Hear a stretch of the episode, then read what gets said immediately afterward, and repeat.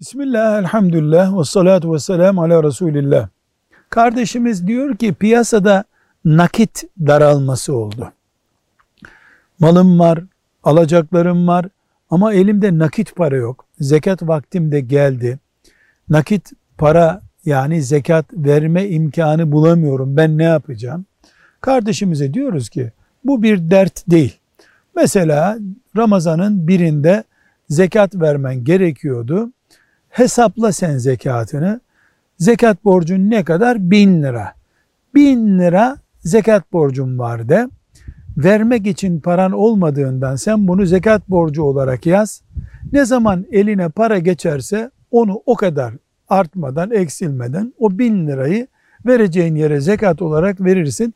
Bu zekatı ödememiş olma, zekatı geciktirme niteliğinde değildir. Nakdin olduğu zaman vermek üzere kendine zekat borcu yazabilirsin. Geciktiğinden dolayı da üzerine bir fark koyman gerekmez. Velhamdülillahi Rabbil Alemin.